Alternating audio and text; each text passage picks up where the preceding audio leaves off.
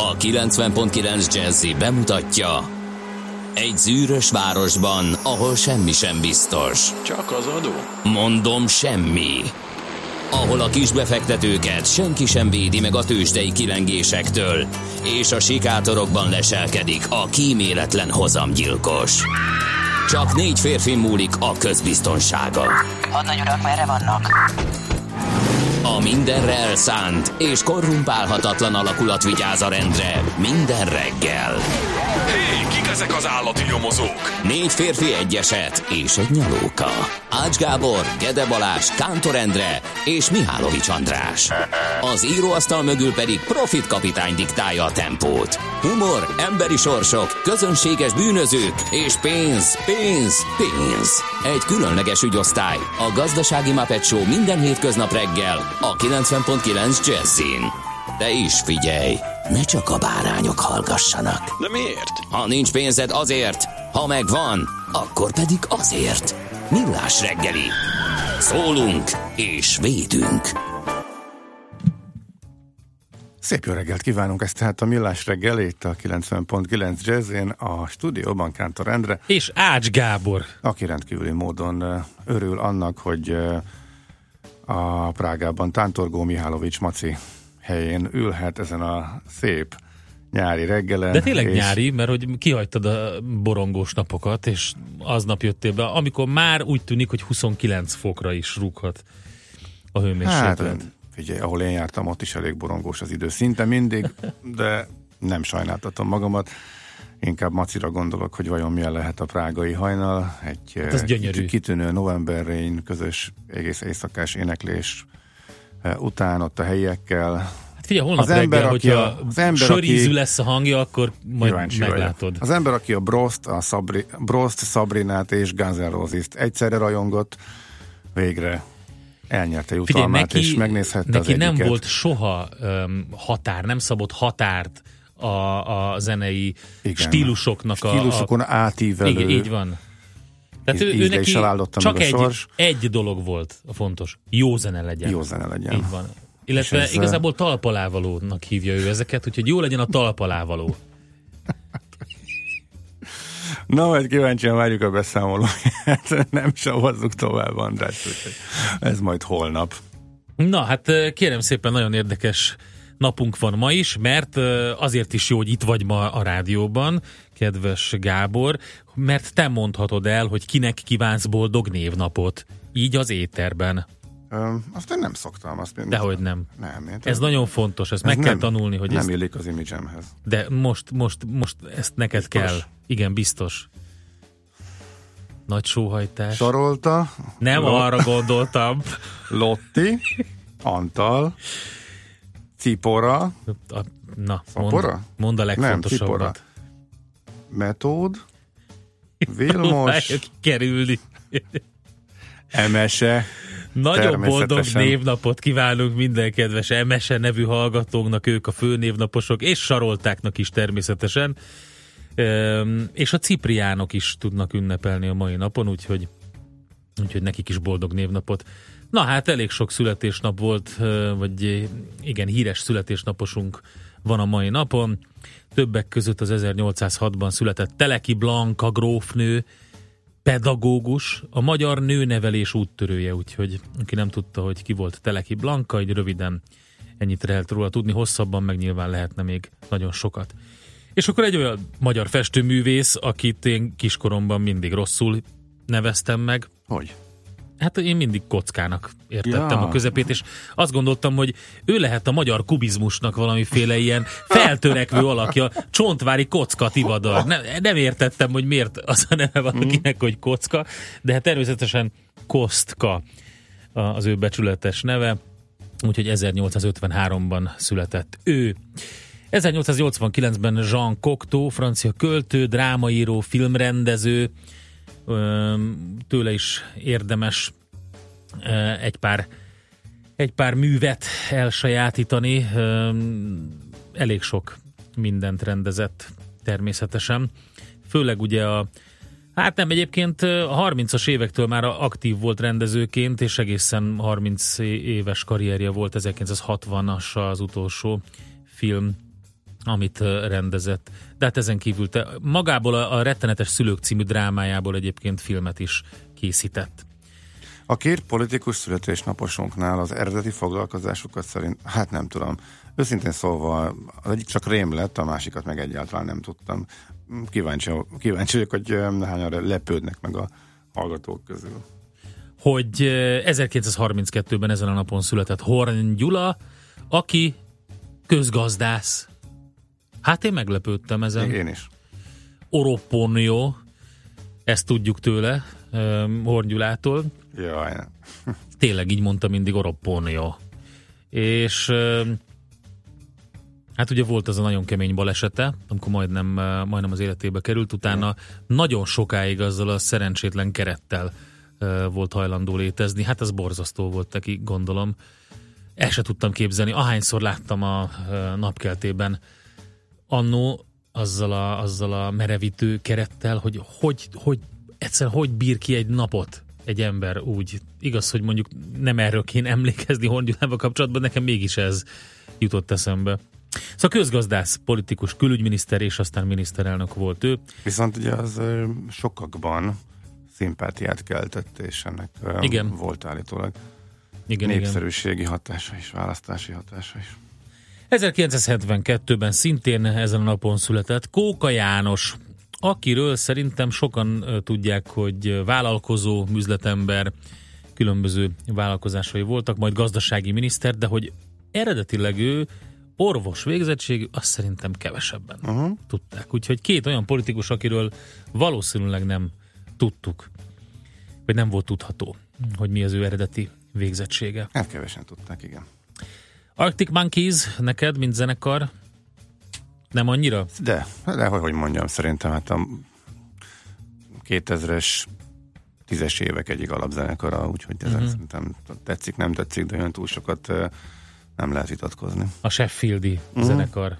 Viszonylag egyszerű indie rockot nyomtak ők, azt, azt Nem, abból is azt a brit, brit stílus, Nem, nem? Szerintem nem. Nem? Szerintem nem, szerintem pont, hogy nem, mert Anglia tele van elképesztően unalmas brit indie rockkal. És ők nem? És ők szerintem nem véletlenül emelkedtek Aha. ki ebből. Úgyhogy szerintem pont nem. Lehet, nem vagyok annyira nagy ismerője a mű, művészetüknek, egy pár számból én lehet, hogy Hát felületesen abból ítéltem. száz zenekarból egy, amelyik úgy lehet. kiemelhető abból a szcénából, szerintem, és hát ők egyértelműen Nico vannak. mai napon született 85-ben, aki a basszusgitárosa ennek a zenekarnak, tehát Na, róluk emlékezhetünk Akkor most meg. melyiket tolod? Hát sajnos semmelyiket tőlük, Hát ez miért? nem volt időm, meg most őszintén megmondom, kedvem se Arctic Monkeys-t, de Hoztam én már, ott van, keresd meg. hol? Ne viccelj. Nyom be, hogy Arc, Arc, Keresőbe. viccelj, komolyan Ah, mondod? Hát, ilyen, A 700 milyen felkészültek vagyunk. Alapzenekarokra azért. És tényleg. Dója van. És tényleg. Na akkor melyik legyen? Akkor te, mivel te ismered őket jobban, az Are You Mine, vagy a Do I Wanna Know? Hát inkább a felvétel? lassabb azért, hogy is mondani. Nálunk ebben a az rádióban azért. Hát Dója van a no inkább. Oké, okay. akkor gratulálunk az 1985-ben ezen a napon született Nick O'Malley-nek. Ha valaki nagyon figyel, akkor ö, az egyedi és megismételhetetlen ö, basszusgitár játéka kivehető ezen a felvételen. Tessék fülelni, most jönnek ők, utána pedig jövünk vissza mi.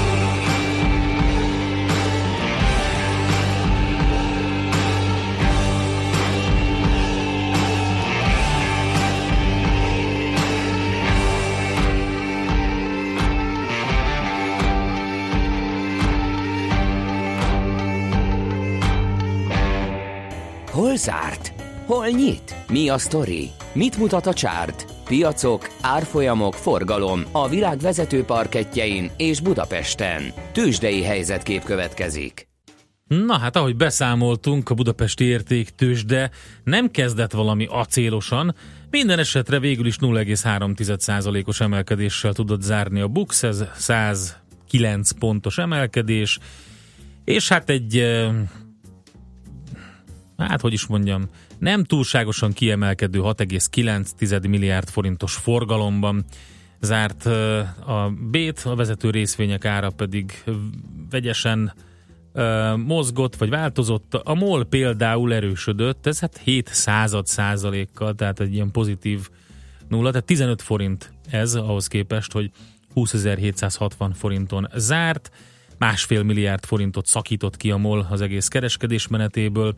Az OTP ennél nagyobbat, 2,2 milliárdot, 90 forinttal nőtt a részvények ára, az 1 százalékos emelkedés 9090 forintra.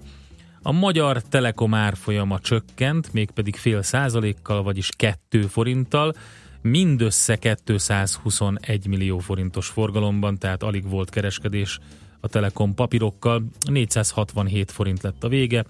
A Richter pedig, eh, hát szintén csekély 640 millió forintos forgalomban 11 forintos csökkenéssel zárt, 6950 ponton, úgyhogy eh, kisebb a szokásosnál a forgalom, és eh, hát egy szó, ami, ami megszokott volt a budapesti értéktősdén így június végén, július elején, az volt a tegnapi napon is. Történt, hát a forint, a forint egy picit erősödött a bankközi piacon a főbb nemzetközi devizákkal szemben. Az euró például 308 forint 5 fillérre gyengült. Ez majdnem egy forintos gyengülés egyébként. Volt 309 forint 6 filléren is. A svájci frank 282 forint 14-ről 281 12-re, a dollár pedig 271 forint 46 fillérre.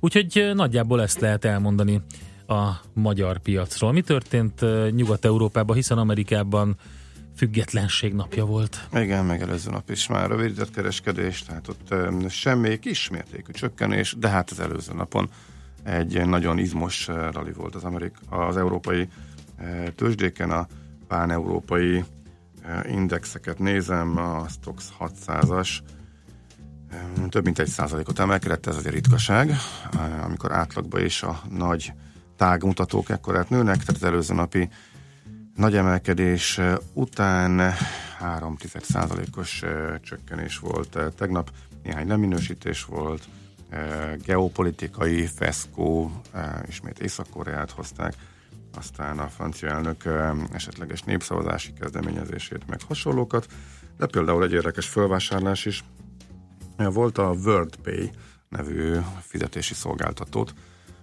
28%-kal dobta meg az a hír, hogy meg fogják venni. Ez egy tök érdekes része egyébként a pénzügyi szegmensnek, egyszer majd talán érdemes. Ki a vevő? Ki, mit mondanak? Bank? Egy várjál csak, hogy is hívják. Azért kérdezem csak, mert egyre inkább ugye konszolidálódik ez a piac is, veszik sorra meg a, azokat az úgynevezett fintech cégeket, akik uh-huh. már komolyabb részt hasítanak ki. Sőt, ugye, ahogy tegnap is szóba került a műsorban, több olyan fintech cég van, akik már bejelentett banki szolgáltatásokat is nyújtanak, tehát, a, a, a, tehát egyszerűen a bankszektorba léptek be, míg addig nem voltak ott, úgyhogy érdekes mozgások vannak ezen a területen. Egy konkurensi Avantiv nevezetű. Aha, na ezért kérdezem, hogy akkor nem, nem, nem hát, vevő van. Ha jól emlékszem, eleve a WordPay már egy banknak, uh-huh. egy részlege, részlegének az önállósodásával született uh-huh. annó. Talán a Royal Bank of Scotland, ha jól emlék. Most ebben nem vagyok teljesen biztos. De ez most óriási biznisz, tehát ők is főleg webshopoknak a fizetés, de ez nálunk is, tehát Magyarországon is ez baramira pörög, és egyre többen szállnak bele. És Így van, itt volt a stúdióban. Igen, igen, a... erről volt szó.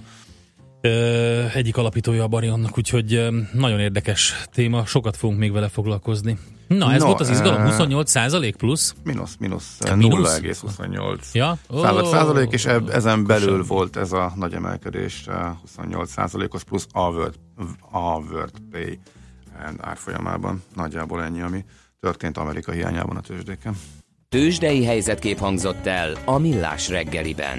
Jön Czoller Andra a legfrissebb hírekkel, információkkal. No, hát előtte, előtte még... oh, 06 30 20 10 909. D-kartás elintézi a morgást helyettünk, azt mondja, remélem Maci, hát nem. Mert a napi csata keretében igazán küldhetne egy ütegnyi nyargaló tüzérséget az M3-as bevezető leálló sávjába, Pest felé a Kagylóskúthoz, hogy rendet tegyen. Torlódás még oké, okay, de ez a sok elmebeteg, aki így módon előz, Igen. az már nem. Igen, Morogjunk. szeretnénk hát felhívni, hát szeretnénk felhívni a figyelmét mind azon egyenruhás szerveknek, akik forgalom ö, irányításban, korlátozásban, szabályozásban részt tudnak venni, hogy legyenek már szívesek a busz sávban közlekedőket és a leálló sávban közlekedőket jobban ellenőrizni. Gyakorlatilag két hete minden nap beszámolunk erről a műsorban, folyamatosan ez megy. Ez nem igaz, hogy ezt nem lehet megoldani. Láttál már útépítés mellett ott felejtett 30-as tábla mögötti trafipaxot? Láttunk. Igen. Sokat. Láttál már olyat, hogy cikázó, veszélyes, mindenkit veszélyeztető autóstársakat, életét komoly veszélybe sodorókat kiszedjenek és megbüntessenek? Nem. Biztos van, csak mi nem találkoztunk még ilyennel. De hát ezt már néhányszor megmorogtuk, úgyhogy miért van ez? Ugorhatunk. Nem Ugor, tudjuk, ugorunk. miért van ez. Műsorunkban termék megjelenítést hallhattak.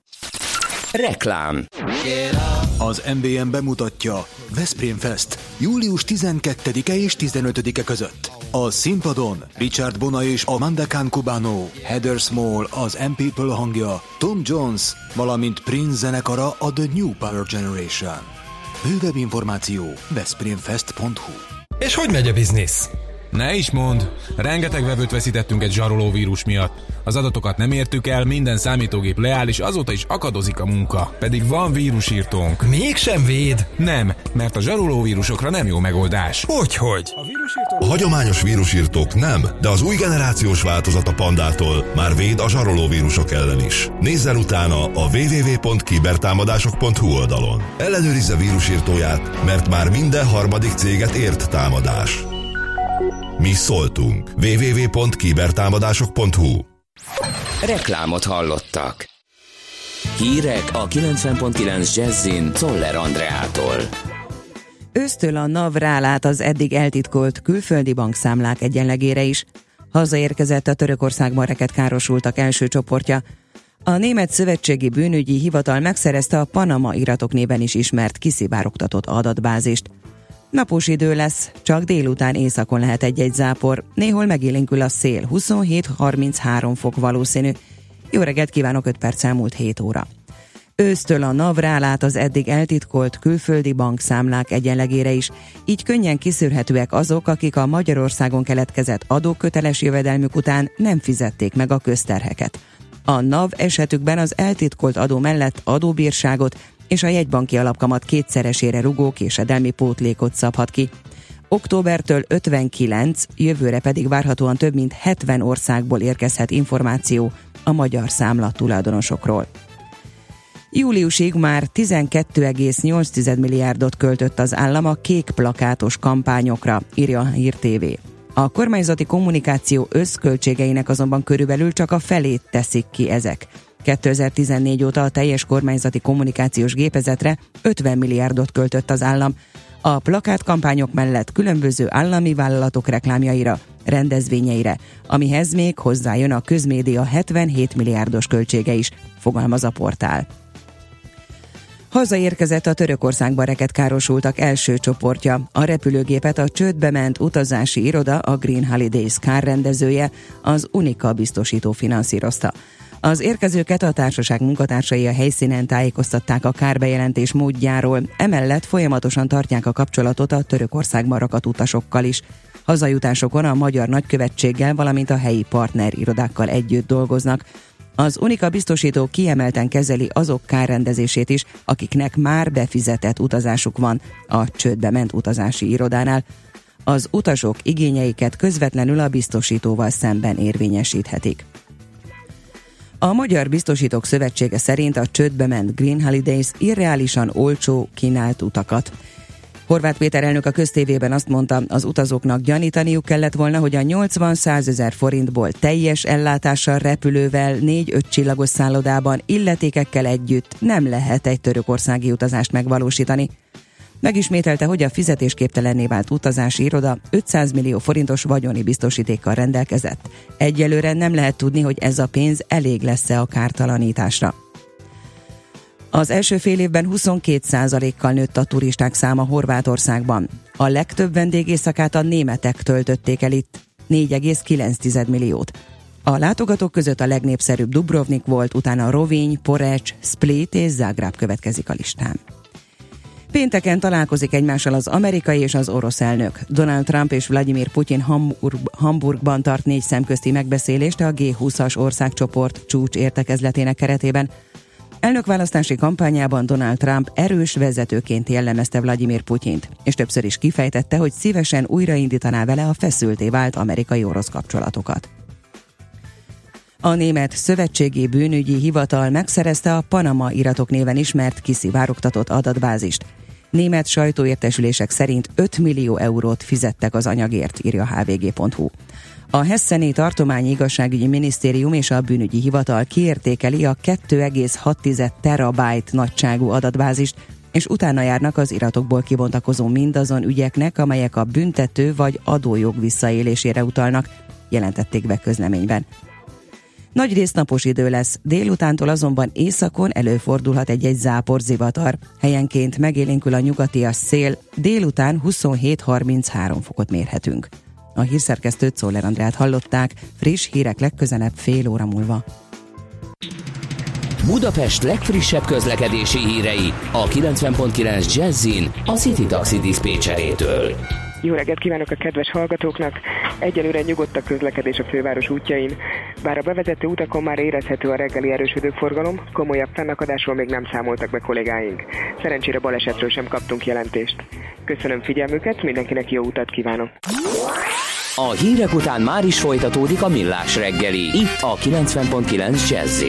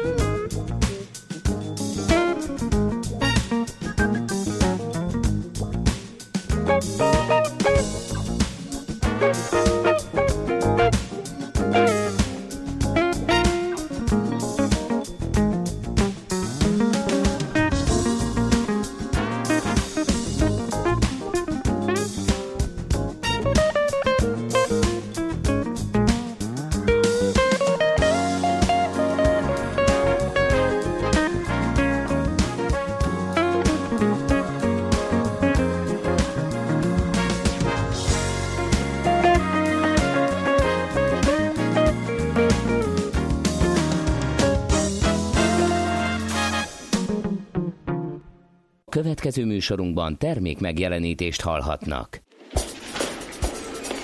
A reggeli rohanásban könnyű szemtől szembe kerülni egy túl szépnek tűnő ajánlattal. Az eredmény krétával körberajzolt tetemes összeg. A tethelyen a gazdasági helyszínelők, a ravasz, az agy és két füles csésze és fejvállalakzat. A lehetetlen küldetés megfejteni a Fibonacci kódot. A jutalom egy bögre rossz kávé és egy olyan hozamgörbe, amilyet még Alonso Mózli sem látott. Millás reggeli, a 90.9 Jazzy Rádió gazdasági mapetsója. Vigyázat! Van rá engedélyünk!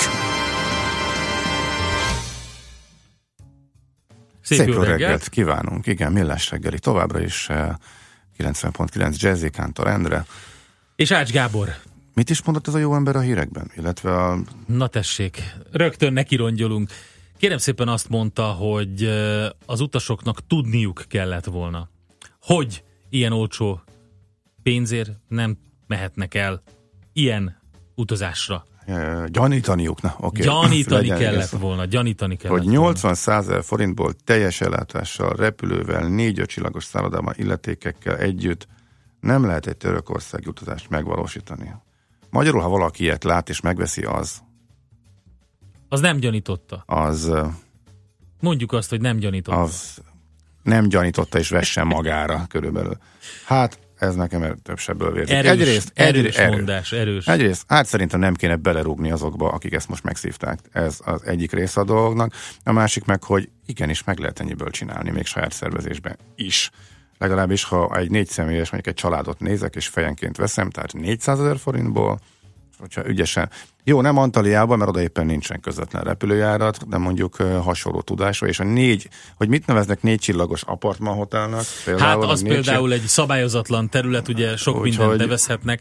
E, Igazából én, én an, amikor hallottam ezt a mondást, akkor kicsit az fordult meg a fejemben, hogy hasonlít ahhoz, mint amikor irreálisan magas hozamokat ígérnek befektetésnél, és akik bedőlnek, azoknak gyanítaniuk kellett volna, hogy ilyen irreálisan magas hozamok nincsenek. Aztán ez volt az első gondolatom. Ja, igen, ugyanez. Aztán, de várjál, aztán utána rájöttem, Questor, hogy nem teljesen, nem teljesen ez a helyzet, mert ö, ö, mert valóban ilyen utazást egyébként össze lehet hozni ennyi pénzért. Mégpedig rendes minőségi szállásokkal, úgyhogy olyan hozamokat pedig hát a legritkább esetben lehet olyan instrumentumokkal. Tehát ugye, sőt, talán nem is.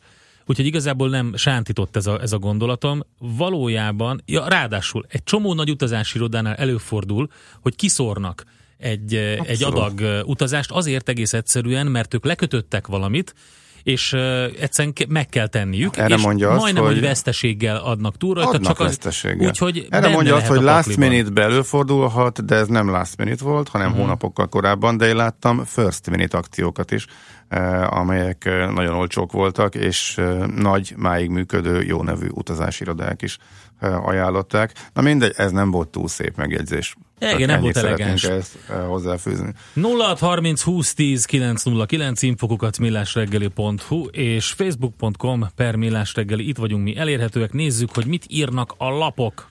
Káosz a nyugdíjkasszánál ezzel a ütős mondattal nyit a népszava.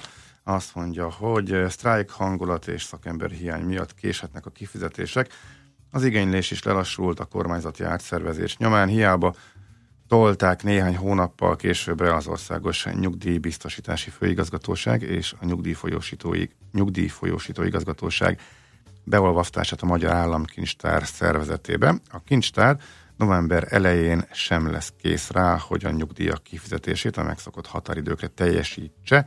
Ezt a népszava forrásai eh, állítják. Kincstári dolgozók azt mondták, hogy a lépés annyira előkészítetlen, hogy jó, ha az összeolvadás decemberben megvalósulhat, de így sem eh, tartják elképzelhetetlennek, hogy két havi nyugdíjat összevontan kapnak meg az idős emberek. Na hát azért ez eléggé durva lenne, hogyha ez valóban itt lenne, vagy így lenne.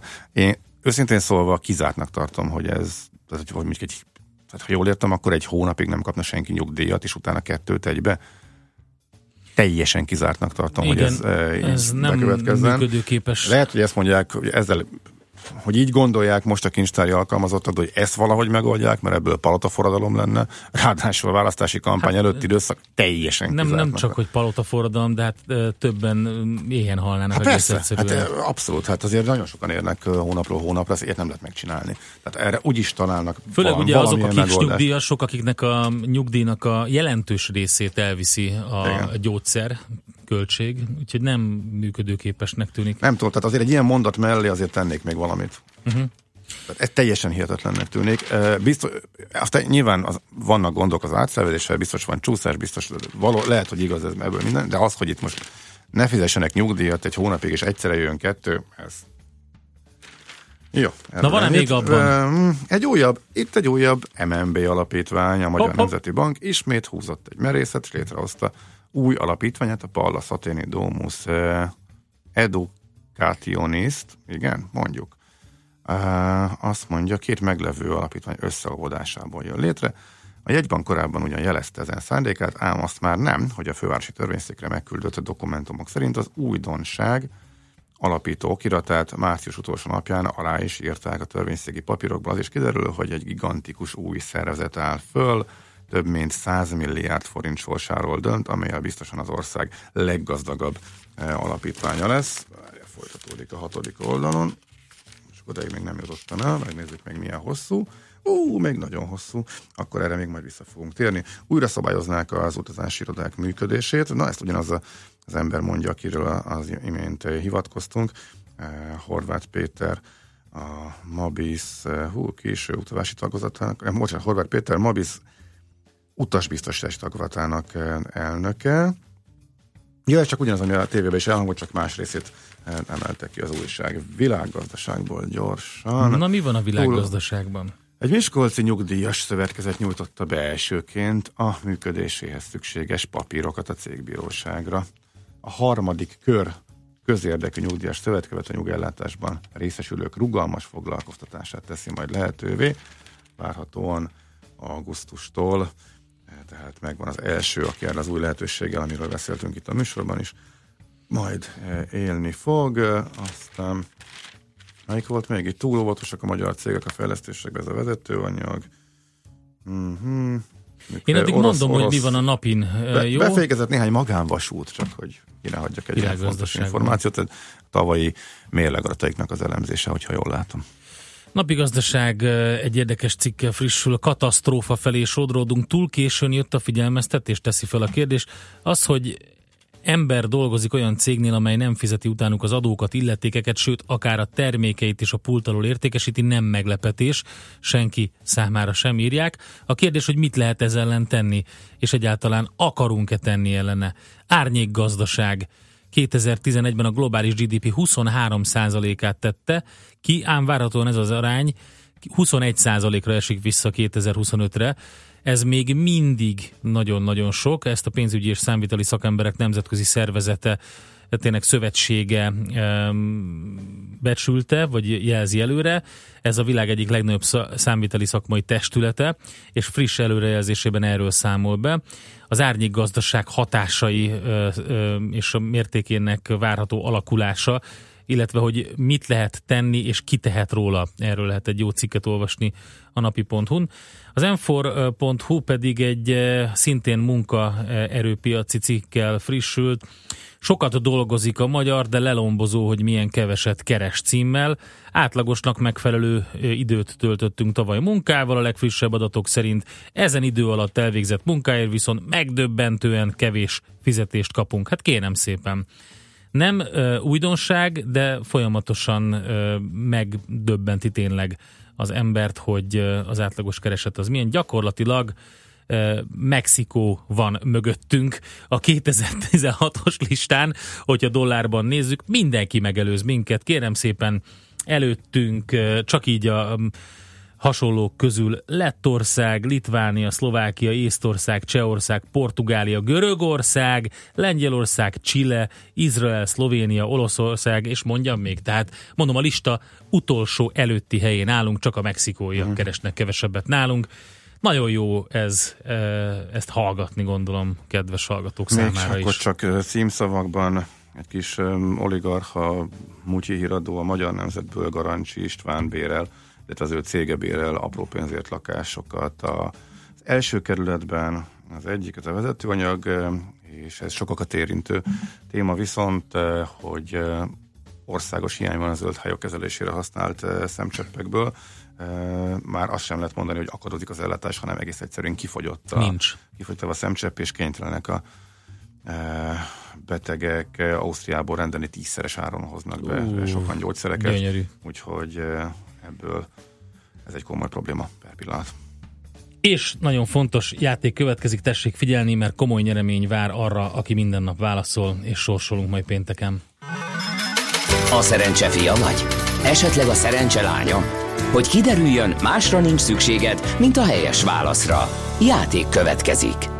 Na kérem, a helyes megfejtést beküldők között a pénteki játéknap végén közjegyző előtt kisorsolunk egy Campus Fesztivál ajándékcsomagot. Ebben van kettő darab fesztivál bérlet, és kettő fő részére két éjszakára szóló szállás Kelet-Magyarország első öt csillagos konferencia és wellness szállodájában, a Debreceni Hotel Divinusban. Mai kérdésünk a következő. A népdal szerint mit kéne venni Debrecenben? A. Fácánkakast, B. Pulykakakast, vagy C. Hurkát? A helyes megfejtéseket ma délután 16 óráig várjuk a játékkukac jazzy.hu e-mail címre. Kedvezzem ma neked a szerencse!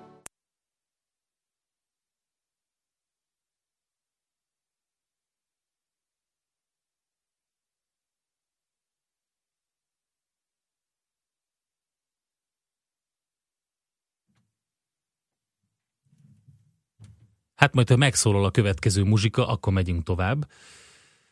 Addig elmondom, hogy Istenem. Váci út Újpest városkaputól már dugul, írja. Na, akkor most Rob. belecsapunk a húrokba.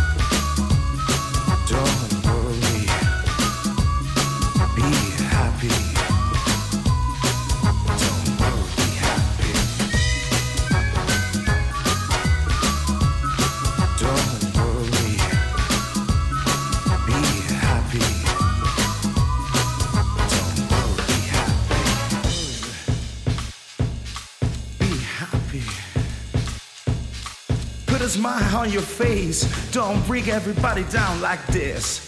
Don't worry, it will soon pass. Whatever is it? Don't worry.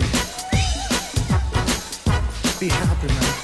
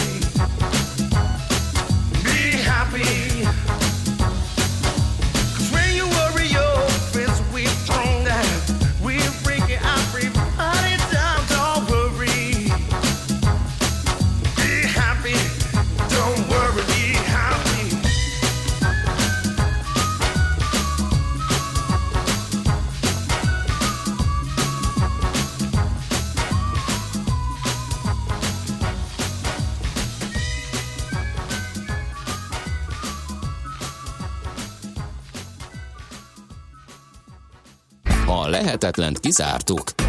Ami marad, az az igazság, akármilyen valószínűtlen legyen is. Millás reggeli. A vonalban itt van velünk Gulyás Tibor, a Hallgatói Önkormányzatok Országos Konferenciájának elnöke. Jó reggelt kívánunk, szervusz! Jó reggelt, jó reggelt kívánok! Na, hát általános a felháborodás az alacsony egyetemi ösztöndíjak miatt. Ezt nyilatkoztad nemrég. A hallgatók közül van, aki cinikusan viccelődik, amikor ez a téma előkerül, van, aki kifejezetten dühös. Mi a pontos oka a felháborodásnak? A hátteréről azt kell tudni, hogy az elmúlt tíz évben nem emelkedtek az ösztöndíjak, és a legutóbbi emelkedés során, 2007-ben az történt, hogy a, egyébként a jogosultak köre az megfeleződött, tehát aki most állami képzésen vesz részt, annak mindössze a fele részesülhet a tanulmányi ösztöndíjból, és hát részben az ebből következő forrásátcsoportosítás miatt éveken keresztül kevésbé volt érzékelhető a felsoktási hallgatók körében az alacsony ösztöndíj, viszont ez már a hatványozottan megemelkedett, és hát most egy országos fórum sorozatot tartottunk, június közepén értünk a végére, és ez a hangulatkép, amit éppen visszajeleztem, ez az a fajta visszajelzés volt, amit éppen tapasztaltunk a hallgatóknak a körében.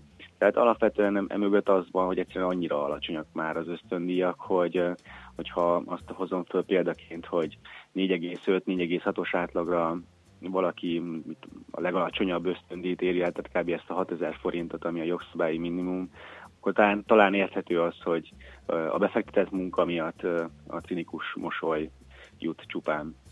Hát amikor én voltam egyetemista, akkor egy ideig volt egy kötelező 5000 forintos ösztöndíj, ezt nagyjából megkapta mindenki, aztán utána ezt eltörölték, és senki nem kapott semmit, csak aki nagyon jól tanult.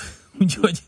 Mikor volt egyetemista? Hát az már nem most volt, de ettől függetlenül azt gondolom, hogy közben vannak például kiváló diákhitelek, szabadon felhasználható, nagyon alacsony kamattal, most megint lazítottak rajta. Például ilyen a mi, mi időnkben nem volt, hogy egy kicsit ilyen hangulatkeltő legyek. Hát természetesen ezek igénybe vehető lehetőség, bár az a tapasztalatunk, hogy a 2008-as válságot követően hitelekről kialakult kép miatt egyre kevesebben veszik igénybe ezeket a konstrukciókat, talán ami kifejezetten hallgatók körében talán népszerűbbnek mondható az a diák hitel kettes konstrukció, de a diák hitel egy esetében egy ilyen visszaesési tendenciát látunk.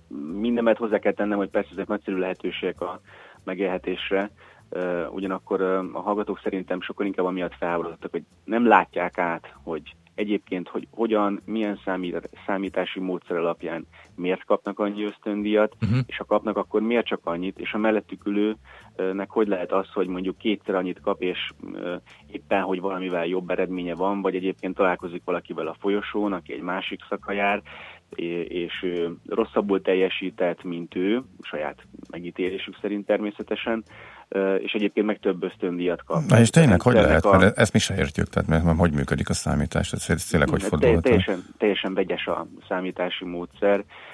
Van néhány ilyen jogszabályi pont, amit az intézmények betartanak, de az, hogy ez egyébként szakok szerint történik, karok, vagy az életem egészében egységes szabályok szerint teljesen eltérő ma Magyarországon.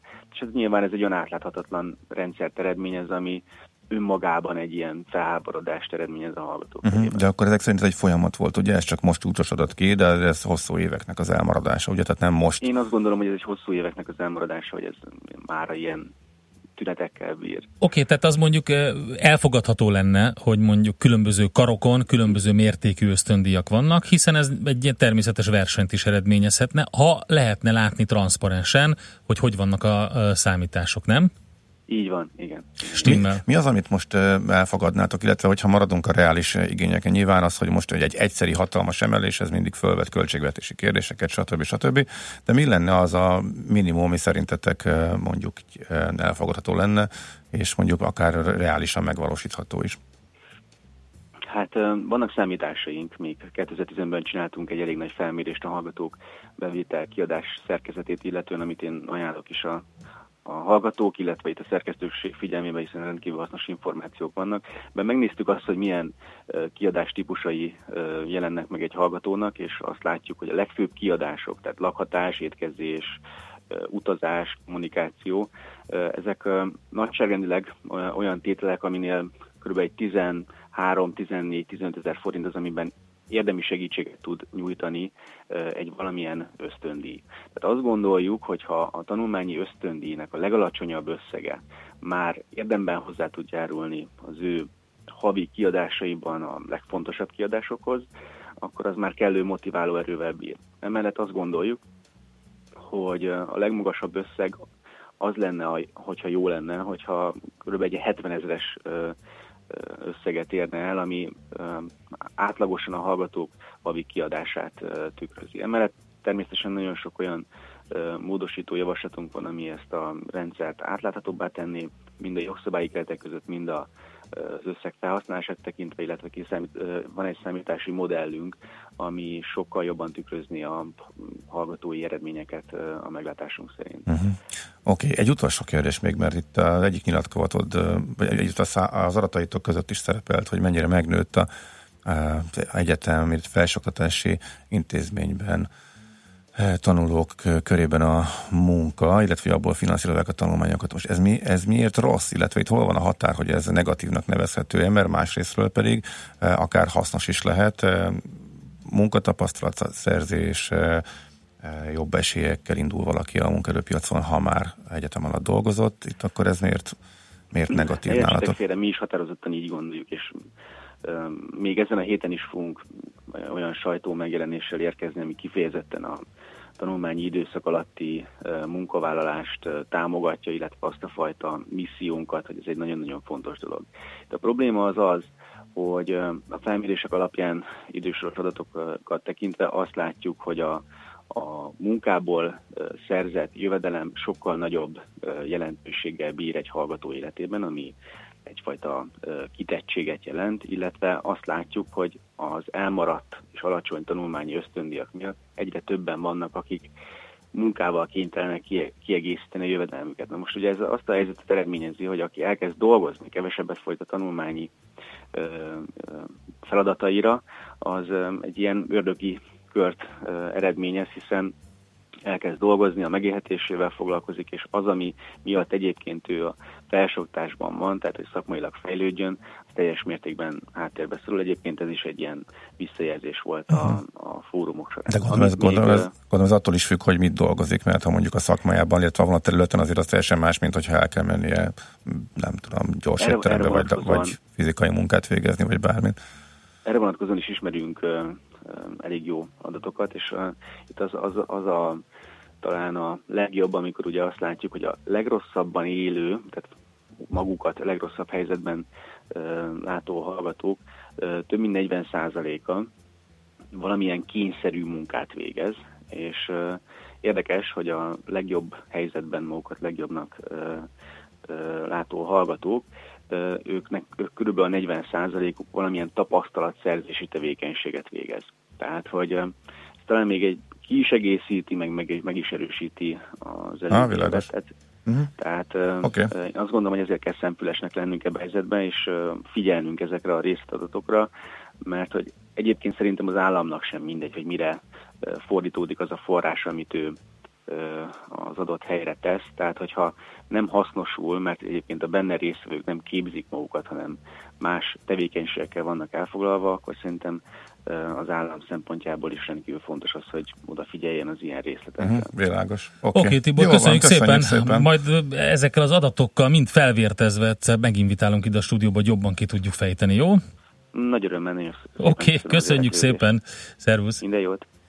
Ujjás Tiborral beszéltünk a Hallgatói Önkormányzatok Országos Konferenciájának elnökével. Megyünk tovább, jön Czoller Andi legfrissebb hírekkel, információkkal, aztán KKV rovatunk, majd devizapiaci infóink következnek, és hát foglalkozunk még a fiatalabb generációval, mert hogy Stegerwald Krisztiánt várjuk ide a stúdióba, a 6generáció.hu alapítóját, generációkutatót, az Y generációról lesz szó, mire számítsunk, de azért szerintem a generációs problémákat is átbeszélünk megbeszéljük 8 órától, tehát ő a vendégünk itt a stúdióban. Nem lehet úgy megoldani egy problémát, hogy az ember karosszékben üldögélve olvas róla az újságban. Millás reggeli. Rövid hírek a 90.9 Jazzin Toller Andreától. Majdnem 14 milliárd forintot kellett kifizetni a honvédségnél a túlszolgálatok miatt egyetlen év alatt, számolt be a hvg.hu. A honvédelmi minisztertől kért adatok azt mutatják, 11 hónap alatt összesen 6 millió óra túlszolgálatot rendeltek el. Január volt a kiugró hónap, míg szinte minden más alkalommal nagyjából ugyanannyit kellett túlórázni, ebben az egy hónapban a szokásosnak majdnem a kétszeresére emelkedett a túlórák száma. Nagyjából fél milliárd forint kár keletkezett az állami tulajdonú erdőkben az áprilisi hóvihar miatt. A veszteségek 90%-a a bükk, 10%-a a Zempléni hegységet érintette, írja a Magyar Idők. Az összesítések szerint több mint 100 ezer köbméter fa dőlt ki a hó és szél miatt. Túlnyomó részük bükk, de fenyő és tölgyállományok is megsínylették a szélsőséges időjárást. Április 19-én és 20-án 90 cm hó esett a bükkben, ami olyan károkat okozott, hogy csak újra telepítéssel lehet majd helyreállítani a növényzetet. Hosszú Katinka bejelentette a Profi Úszók Világszövetségének megalakulását. A háromszoros olimpiai bajnok úszónő nemrég levélben kérte az úszókat, hogy lépjenek fel a finában uralkodó káosz ellen. Tegnap bejelentette, hogy 30 úszó, köztük 15 olimpiai bajnok részvételével megalakult a Profi Úszók Világszövetsége, a GEPS, amelyben minden egyes kontinens képviselteti magát. Drágultak az üzemanyagok, a MOL mától literenként két forinttal emelte a benzin és a gázolaj árát is, a 95-ös 336 forintba kerül, a dízel ára 335 forint lett. Közben kutyával is bemehetnek az utazók a MOL magyarországi töltőállomásaira, hogy a nyári melegben ne kelljen az autóban hagyniuk az állatokat. A vállalat közleménye szerint az intézkedés a 450 partner töltőállomásra vonatkozik és egész évre szól. A feltételek azonosak a kisállatbarát helyek házi rendjével. A töltőállomások közösségi tereibe egészséges és megfelelően nevelt, oltással ellátott és szobatiszta, pórázon táskában vagy kézben tartott kutyával saját felelősségre lehet betérni. Nagy rész napos idő lesz, délutántól azonban északon előfordulhat egy-egy záporzivatar. Helyenként megélénkül a nyugati szél. Délután 27-33 fokot mérhetünk. A hírszerkesztőt Szoller Andrát hallották, friss hírek legközelebb fél óra múlva. Budapest legfrissebb közlekedési hírei, itt a 90.9 jazz a fővárosban a baleset történt a 15. kerületben, a Bánykút utcában, a Páskomliget utca közelében, a Szent Mihály út irányában. A 69-es villamos helyett pótlóbusz közlekedik Újpalota Erdőkerülő utca és Rákospalota Mávtelep között. A 96-os és a 296-os autóbusz pedig terelve jár, több megállót nem érint. Lassú az előrejutás a Budaörsi úton, a Sasadi úttól befelé, a 10-es főúton az Ürömi körforgalomnál, a 11-es főúton befelé a Pünköstfürdő utca előtt, az M3-as fővárosi szakaszán az M0-as autóúttól a Szerencs utcáig. Erős a forgalom a Kerepesi úton, a Fogarasi útnál, a Hungária körúton, a Kerepesi út és a Tököli út között mindkét irányban, a Rákóczi úton az Asztória felé, a Gyáli úton a Könyves Kálmán körút előtt. Szép Csilla BKK Info. A hírek után már is folytatódik a millás reggeli. Itt a 90.9 jazz You and me were meant to be Walking free in harmony. One fine day we'll fly away. Don't you know that Rome wasn't built in a day? Hey, hey, hey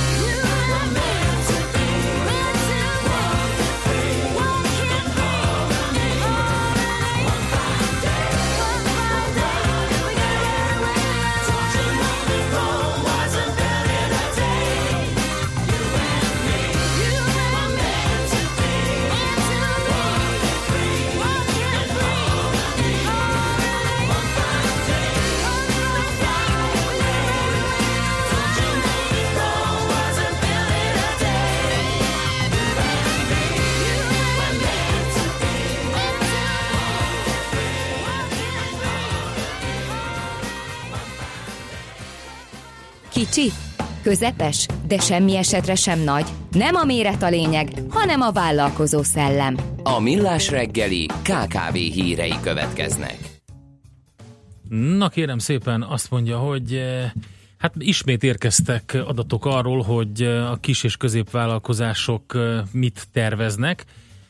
Atya, úr, Isten, már itt a híradó.hu próbáltam elolvasni, csak fölugrott egy óriási Soros György. Na, Oké, okay, megvan. Tehát a kis és középvállalkozások ötöde tervez beruházást a következő egy évben, a legnagyobb beruházók pedig az agrárvállalkozások és a magasabb árbevétellel rendelkező KKV-k lesznek, ez derült ki egy országos reprezentatív kutatásból, amit a Budapest Bank végzett, és ez szerint um, 1600 olyan KKV körében készítettek felmérést, amelyek árbevétele 200 millió és 15 milliárd forint között van. Kiderült, hogy az elkövetkezendő 12 hónapban a cégek leggyakrabban a 30 millió, átlagosan 109 millió forintot költenek beruházásra, a tavalyi 102 millió forint után, tehát ez nőtt egy picit, a válaszadók 80%-a 4 és 230 millió forint közötti értékben tervez beruházást.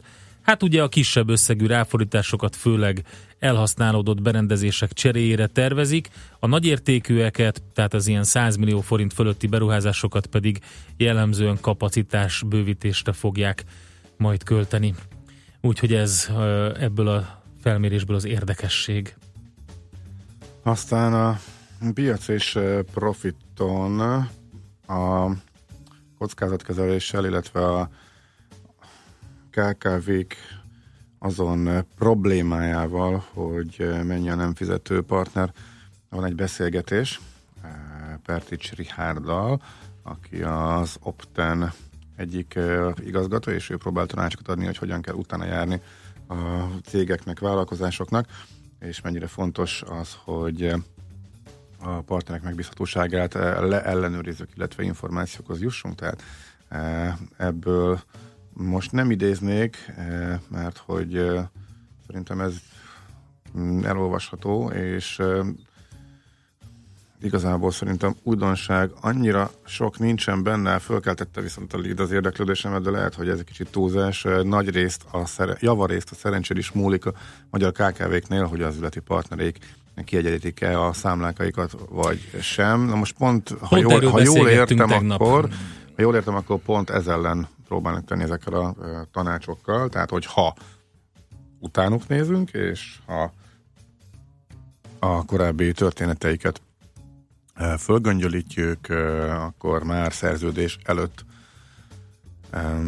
nagyjából tudhatjuk, hogy mire számíthatunk egy-egy cégnél, és ez mondjuk fontos figyelembe venni már a partnerek kiválasztásánál is, hogyha én ezt jól értem, minden esetre ez egy hosszú interjú. Tehát, hát én azt ajánlom akkor... a kedves hallgatóknak, hogy e, menjenek fel a millásreggeli.hu-ra, a tegnapi adás podcastjét hallgassák meg, itt volt velünk a stúdióban Vanek Balázs, e, az Atrádiusztól, és uh-huh. gyakorlatilag ez volt a téma, pontosan hogyan lehet elkerülni az ilyen kockázatokat, és hát rengeteg módszer van erre, úgyhogy érdemes odafigyelni. Hát ezen kívül mi van még? Úgy tűnik, hogy díjmentessé váltak a közműcsatlakozások a lakosságnak és a KKV-knak. Igen, mm-hmm. ezt erről is volt szó, de nem csak lakosság, hanem KKV miatt érdemes ebben a rovatban is megemlíteni, és a Garantika bejelentette tegnap, hogy a vállalkozások egy éven keresztül egy esetek, esetekben akár 30%-kal csökkentett díjakkal, vagy akár díjmentesen is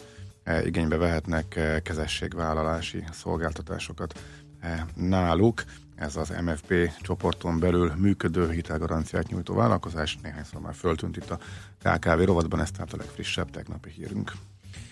Megyünk tovább, mert hamarosan a devizapiacról kell képet kapnunk, vagy szeretnénk legalábbis, úgyhogy majd Weber Tamás tárcsázunk az MKB Bank portfólió kezelőjét. A devizapiaci információ következnek. Ha van kérdés, óhaj, soha észrevétel 0630 20 10 909 Whatsappon és SMS-ben ide lehet küldeni, vagy az infokukacmillásreggeli.hu-n vagy a millástegeli.hu kapcsolati formájával is lehet nekünk üzenni, ahogy teszitek ezt egyre többen.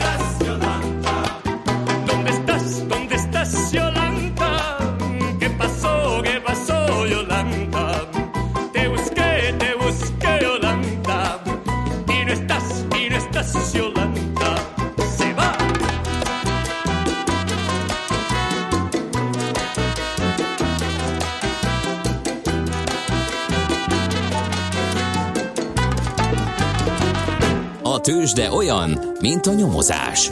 Majdnem művészet. Kicsit matematika, kicsit sakkozás is. Türelemjáték. Millás reggeli. A vonalban itt van velünk az MKB Bank portfólió kezelője Weber Tamás. Szervusz, jó reggelt kívánunk! Jó reggelt, sziasztok! Hát a nagyon-nagyon izmos mozgás legalábbis a forinttal kapcsolatban nincs. Azért sikerült egy kicsit erősödgetnie a főbb nemzetközi devizákkal szemben, úgyhogy azért valaminek örülhetünk így nyáron. Ö, igen, az elmúlt, tehát az, ezen a héten nem nagyon voltak egyelőre mozgások, ugye van szünnap volt Amerikában, illetve rövidített kereskedés volt hétfőn, ennek megfelelően egy nagyon illikvid időszak volt, nem nagyon voltak mozgások. Ebben, a, ebben az illikvid időszakban egy kicsit erősödni tudott a forint, de az, hogy, hogy így a külföldi befektetők nélkül mit csinál a kereszt, az egy kicsit kevésbé releváns. Most, hogy visszatérnek a befektetők a mai naptól, az lesz az érdekes, de azért tudtunk erősödni, és a 308 14-es szintig vissza tudott jönni a forint, ugye korábban a múlt hétvégén a 310-es ö, szintet is elérte. Ez mindenféleképpen egy kis pozitívum, de nagyon sokat azért nem olvas még bele ebbe a mozgásba. Az eurodollárban is egy hasonló korrekciót láttunk, hogy a múlt, hét, múlt héten volt egy nagyon komoly emelkedés drági szavaira, ezt egy kicsit korrigált a piac, amit alátámasztott az is, hogy hétfőn kijöttek a beszerzési menedzserindexek Amerikából, amik a vártnál jobbak lettek, és így az első olyan fontosabb makromutató, ami így a vártnál jobban alakult, ugye az elmúlt időszakban rendre rosszabbul alakultak ezek a, ezek a makroadatok, és ez is generált egyfajta félelmet azzal kapcsolatban, hogy esetleg lassulhat a, az amerikai gazdaság, illetve lehet benne egyfajta dezinfláció, és ugye az volt az elmúlt hetek híre, hogy azt mondták a jegybankok, akár a tengeren innen, tehát az LCB, illetve a tengeren túl a FED, hogy, hogy ők ezt, ezt a lassulást, ezt átmenetinek tekintik, és ugye a, azt az, a dezinflációs nyomást, ami egy kicsit látszott az adatokból, azon, azon túlnéznek, és arra számítanak, hogy hogy a visszatér az infláció, és, és, és emiatt fenn kell tartaniuk azt a fajta monetáris szigorítási politikát, amit, eh, amit korábban jeleztek, illetve az LCB pedig arról beszélt, hogy esetleg elkezdheti a monetáris szigorítás irányt. És egyébként ez a, ez a környezet, ez van egy deviza, vagy ilyen időzésen deviza, ami, aminek kifejezetten kedvezőtlen, és ez pedig az arany. Tehát, hogyha lesz egy olyan környezet, amiben tényleg van egy robosztus, megalapozott gazdasági növekedés, ami miatt az infláció egy lassú növekedésnek indult, ez az infláció az nem vágtó, tehát ugye azt szokták mondani, hogy az infláció emelkedése az jó az aranynak, ameddig az infláció emelkedés ez nem, nem nagyon komoly mértékű, hanem hanem csak ilyen lassan közelíti a, a, a jegybanki célokat, és erre a jegybankok kamatemelésekkel és monetáris politikai szigorítással reagálnak, addig ez az arany számára kedvezőtlen. Ugye jól, lehet, jól látjuk, hogy az elmúlt időszakban elég szorosan együtt mozgott a, a kötvényhozamokkal, amikor a kötvényhozamok emelkedtek, és így az arany tartásának az alternatíva költsége emelkedett, akkor az arany esett, hogyha a kötvényhozamok estek, akkor az arany emelkedni tudott.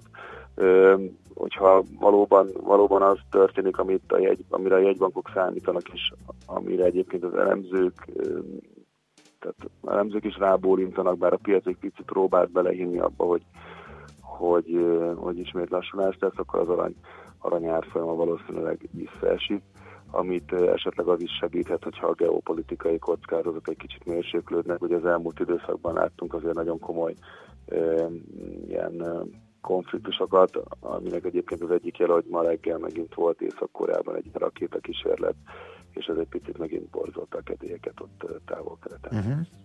Igen, hát de sajnos úgy tűnik, hogy ezek a geopolitikai um, feszültségek azért nem fognak enyhülni. Um, és az arany um, az, ami, ami ilyen mozgás mutatott, vagy a nemesfémeknél másban is lehet látni valamit? Hát ugye az arany az, amelyik, uh, amelyik nagyon tisztán ez a monetáris politikai uh-huh. uh, hatásokat uh, bemutató nemesfém, mert a, az az egyetlen olyan nemesfém, aminek igazán ipari felhasználása nincsen a, a többi, többi nemesfémnek azért van, van valamilyen fajta ipari behatása, és, és emiatt nem, nagyon fontos ott is, hogy a, az adott iparágnak a, a kilátásai hogyan alakulnak, hogyha valaki erre, erre, a, erre a fajta ö, helyzetre akar játszani, tehát hogy a monetáris politikában szigorodás lesz, de és nem lesz felszálló infláció, akkor igazából az arany az első számú célpont, de például az ezüst is azért ö, megközelített, tehát most a decemberi mélypontjai közelében jár, de azért az ezüstnél számít az is, hogy, hogy az ipari felhasználás az hogy alakul. Uh-huh. Több hallgatós érdeklődik a forint, dollár-forint kilátások iránt. Ezt gondolom van egy e, forint, egy euró-forint láb, meg egy e, euró-dollár láb, és akkor abból kikövetkeztethető, ugye? Igen, igen, igen, és az elmúlt időszak eseménytelen euróforint kereskedése következtében igazából az euró-dollárra mozog egy irányba a dollár-forint. A, a hétfői ilyen beszerzési menedzser indexek, amiket mondtam, az, az arra utalhat, hogy a második fél évben egy jelentős GDP bővülést láthatunk az USA-ban, és hogyha én szerintem most egy olyan időszakban vagyunk, amikor azért az euróval kapcsolatos optimizmus valahol így a egy, egyfajta szélsőséget közelít. Ugye Európában is nagyon jók voltak az adatok, a, a politikai kockázatok kiárazódtak, illetve a múlt hét után még ilyen monetáris politikai szigorítási kockázatok is elkezdtek beárazódni. Én arra számítanék, hogy azért a második fél évben ez egy kicsit enyhülni fog, hogyha Amerikában azok a, tehát az a, az a rossz adat dömping, amit láttunk, az megjavul és, és megfordul, és inkább jobb adatokat fogunk látni, az, az alapvetően dollár erősítő lehet, és én arra számítanék, hogy ezekről a szintekről az euró-dollár inkább hosszabb távon le fog fordulni, és hogyha ez megtörténik, akkor a dollár forintban is valamilyen fajta fordulat következik. Uh-huh, tehát akkor a forinttal szemben is erősödni fog tudni a dollár. Uh-huh, Oké, okay. Erre, én erre számítanék, de egyelőre a, én már a, a múlt hét előtt is erre számítottam, és egyelőre nem Igen, igen, igen, igen, ezt inkább középtávon mondtad a második fél évre. Igen, Jó, igen, köszönjük igen. szépen, szép napot kívánunk, Köszönöm és jó szépen, munkát. szép napot nektek is. Szia, szia. Weber Tamás hallottátok, tehát az MKB Bank portfólió kezelőjét. Mi jött nekünk Hú, üzenetben? Azt nézem, hogy hol volt az a hármas koccanás. Na, azt mindenféleképpen. Váci úton az Árpád úttól hatalmas a dugó befelé. Igen, ugyanerre vonatkozott pár perccel korábban, hogy ott egy hármas eh, koccanás van. Eh, azt, hogy mi a különbség az infláció és a dezinfláció között, ezt majd később elmondjuk, mert eh, Mátyás kérdezés viszonylag röviden megválaszol. Igen, ugyanerre vonatkozik, ott, ott egy baleset volt, és emiatt van lassulás. Tehát Váci úton az Árpád úttól. Jön Czóler Andrea a legfrissebb hírekkel, információkkal, utána pedig jövünk vissza mi, és az Y generációról lesz alapvetően szó. Stegerwald Krisztiánt várjuk ide, a 6generáció.hu alapítóját, generációkutatót, Érdekességek következnek arról, hogy egyébként ez a sok generáció hogy él együtt, és mennyiben mások egymástól. Mire lehet számítani, hogyha a jövőt szemléljük? Ez tehát a témánk 8 óra után. Műsorunkban termék megjelenítést hallhattak. Reklám Kérnék szépen elvitelre öt gombóc csokoládét, és még három stracciatellát. Igen? És úgy látom, odafér még három puncs is. Cukorszórással. Ja, és kártyával fizetnék. Hát azt itt nem lehet. Akkor visszatenné őket a helyükre? Használjon ki minden lehetőséget, és növelje kisvállalkozása forgalmát kártya elfogadással. Igényeljen most POS terminált a CIP banknál csak 1%-os jutalékkal, számlaforgalomvállalással. További részletek www.cip.hu per kártya elfogadás. CIP Bank. Valódi lehetőségek. És hogy megy a biznisz? Ne is mond, rengeteg vevőt veszítettünk egy zsaroló vírus miatt. Az adatokat nem értük el, minden számítógép leáll, és azóta is akadozik a munka. Pedig van vírusírtónk. Mégsem véd? Nem, mert a zsaroló vírusokra nem jó megoldás. Hogyhogy? A hagyományos vírusírtók nem, de az új generációs változat a pandától már véd a zsaroló vírusok ellen is. Nézzen utána a www.kibertámadások.hu oldalon. Ellenőrizze vírusírtóját, mert már minden harmadik céget ért támadás. Mi szóltunk. www.kibertámadások.hu Reklámot hallottak. Hírek a 90.9 Jazzin Toller Andreától. Hamarosan elindulhatnak az első nyugdíjas szövetkezetek. A taxis hiénák elleni védekezésről tárgyalnak a legnagyobb magyar társaságok. Összeülhet az ENSZ biztonsági tanácsa az újabb észak-koreai rakéta kísérlet miatt. Ma napos idő lesz, csak délután északon lehet egy-egy zápor, néhol megélénkül a szél, 27-33 fok valószínű. Jó reggelt kívánok, 4 perc elmúlt 8 óra. Hamarosan elindulhatnak az első nyugdíjas szövetkezetek. A Magyar Idők cikke szerint az országos lefedettségű Szomszédok elnevezésű szövetkezet esetében a nyugdíjasok várhatóan már júliusban munkába állhatnak.